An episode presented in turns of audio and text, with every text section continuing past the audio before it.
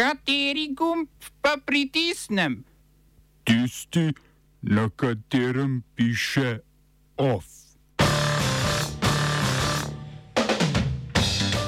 Umik ukrajinske vojske iz Severodonetska. Zakon o orožju v Združenih državah Amerike s figo v žepu.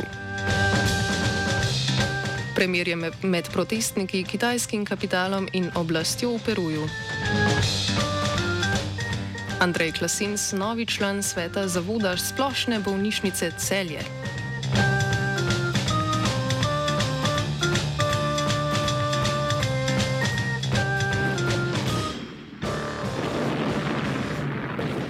Guverner okupirane regije Lungansk Sergej Hajdaj je po telegramu sporočil, da se ukrajinska vojska umika iz Severodonetska, kjer je več tednov potekala mestna bitka podprta z ruskim granitiranjem. S tem bo v regiji Lungansk pod ukrajinskim nadzorom ostalo le mesto Lisičansk, ki leži poleg Severodonetska na nasprotnem bregu reke Donetsk.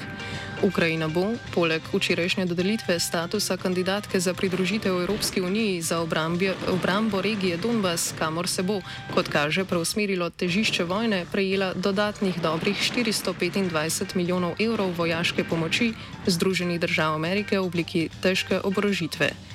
Med obljubljenim orožjem so tudi dodatni večcevni raketni sistemi HIMARS. Prvi štirje od teh artilerijskih sistemov, ki so za Kijev eno najbolj zaželenih orožij, so po večtedenskem usposabljanju ukrajinskih vojakov včeraj prišli v Ukrajino.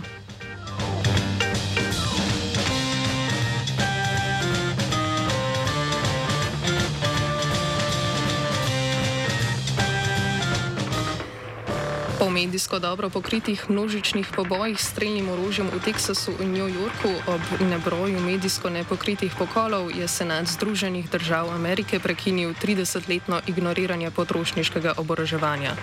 S 65 glasovi za in 33 proti so sprejeli zvezdni zakon o nadzoru nad prodajo orožja, potem ko je isti dan ameriško vrhovno sodišče razveljavilo stoletje star zakon o prepovedi nošenja orožja v zvezdni državi New York, saj Second Amendment. Ker je zakon bojda zrasel na zilnikih obeh ameriških strank, je posledično seveda precej blag. Zakon uvaja možnost prepovedi oboroževanja posameznikov, za katere družina ali policija presodi, da niso primerni za posedovanje orožja, in desetdnevno presojo primernosti za orožniške potrošnike mlajše od 21 let, ter nekaj sankcij za nezakonite preprodajalce orožja. Po drugi strani pa ne prepoveduje oboroževanja orožja. Oboroževanje s polavtomatskim orožjem in omogoča številna izigravanja desetdnevne presoje ali spletne prodaje.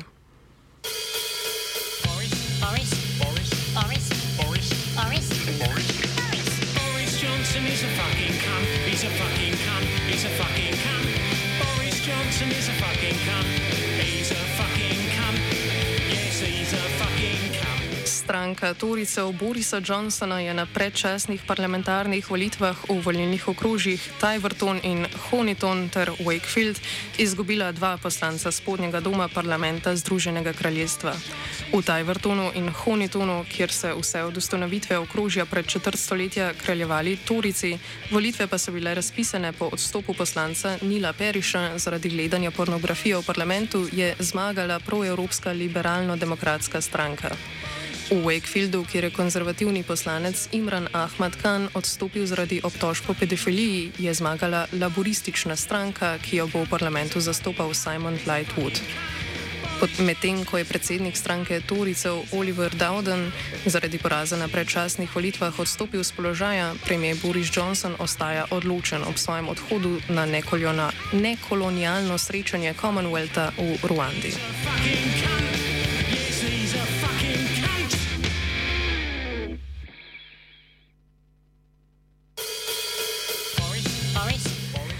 Na srečanju nekolonialistov s predstavniki kolonij bodo sicer pretežno govorili o poslabšanju odnosov med Ruando in Demokratično republiko Kongo ter prizadevanjem toga za priključitev Commonwealthu in s tem zamenjavo njegovega francoskega neokolonizatorja z britanskim.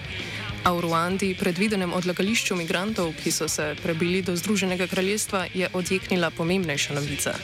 Predsednik Paul Kagame je z direktorjem biotehnološkega podjetja BioNTecha Ugorjem Sahinom zakopal prvo lopato pri gradnji prve afriške tovarne cepiv proti obolenju s koronavirusom.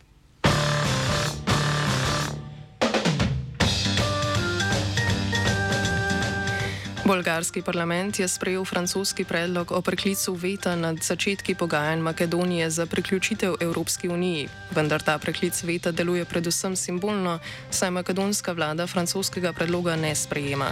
Prepričana je namreč, da predlog, ki zahteva priznanje bolgarske manjšine v preambuli makedonske ustave in uradno priznavanje bolgarščine kot temelja za nastanek makedonskega jezika, vzpostavlja premoč interesov bolgarske vlade. S tem položaj držav nekdanje Jugoslavije, ki jim evrobirokrati radi rečejo Zahodni Balkan, kot kaže, ostaja pri včerajšnji košarici sveta Evropske unije.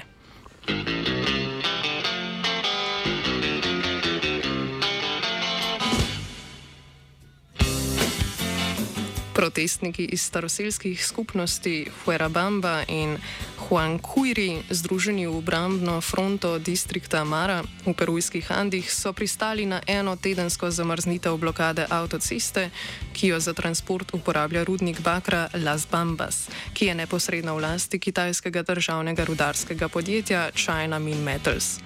S protestom zahtevajo hitrejšo oceno vrednosti zemljišč in izplačilo lastnikom, saj menijo, da oblast, ki jo ima v rokah levičarska stranka Peru Libre, pod vodstvom predsednika države Pedra Castilja zavlačuje v korist kitajskega kapitala. Protest je obrambna fronta pričela le dva tedna po začetku tako imenovanega 30-dnevnega premirja med staroselci in rudnikom Las Bambas. Takrat sta skupnosti Fuerabamba in Hankuire za 51 dni zablokirali delovanje rudnika s tem, da so se naselili v njegove prostore in zahtevali prekinitev izgradnje novega odprtega kopa, službe za domačine in odpovedi v vodstvo rudnika. Rudnik Las Bambas sicer proizvede en odstotek bruto domačega proizvoda v Peruju, kar znaša slabi 2 milijardi evrov.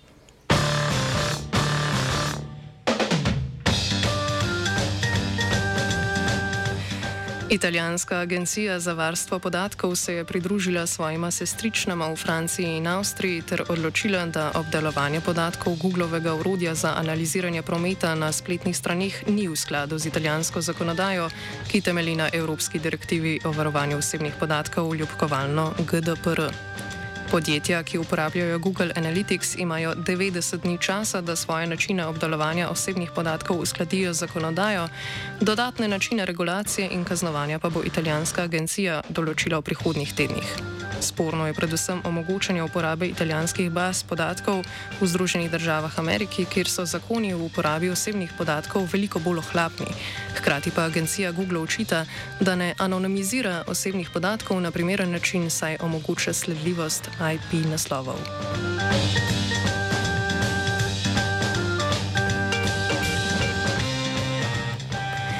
Ekonomsko-propagandni program.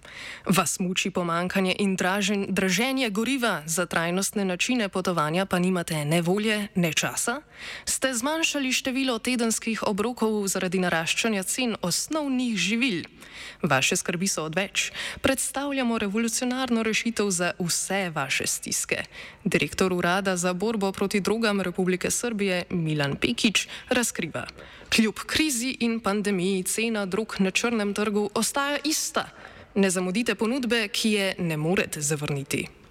Ampak mene ravno to moti, zakaj bi država rada zmanjšala uporabo. Zato, ker jaz kot svoboden posameznik se hočem sam odločiti, da bom konzumiral ali ne. Zakaj bi en meni usiljeval skozi sceno, da jaz pač manj pijem, če pa hočem piti. To me moti.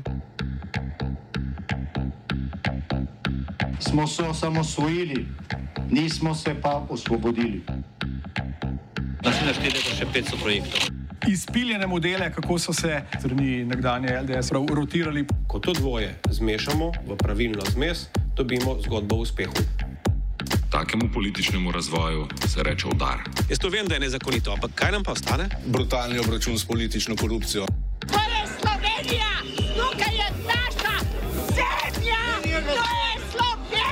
Slovenija! Slovenija!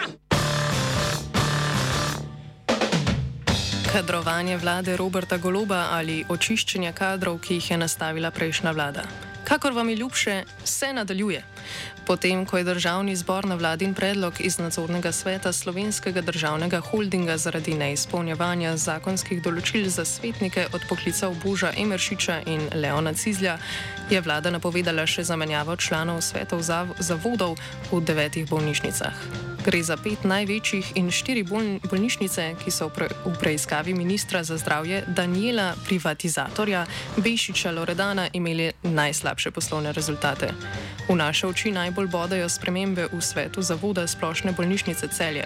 Svetniška mesta bosta namreč zasedla tudi vse mogočni in najsposobnejši direktor študentske organizacije Univerze v Ljubljani Andrej Klasinc in bivša predsednica organizacije Ana Pleško. Krasno sodelovanje privatizatorjev zdravstva in privatizatorjev študentskega organiziranja še na mnoga leta.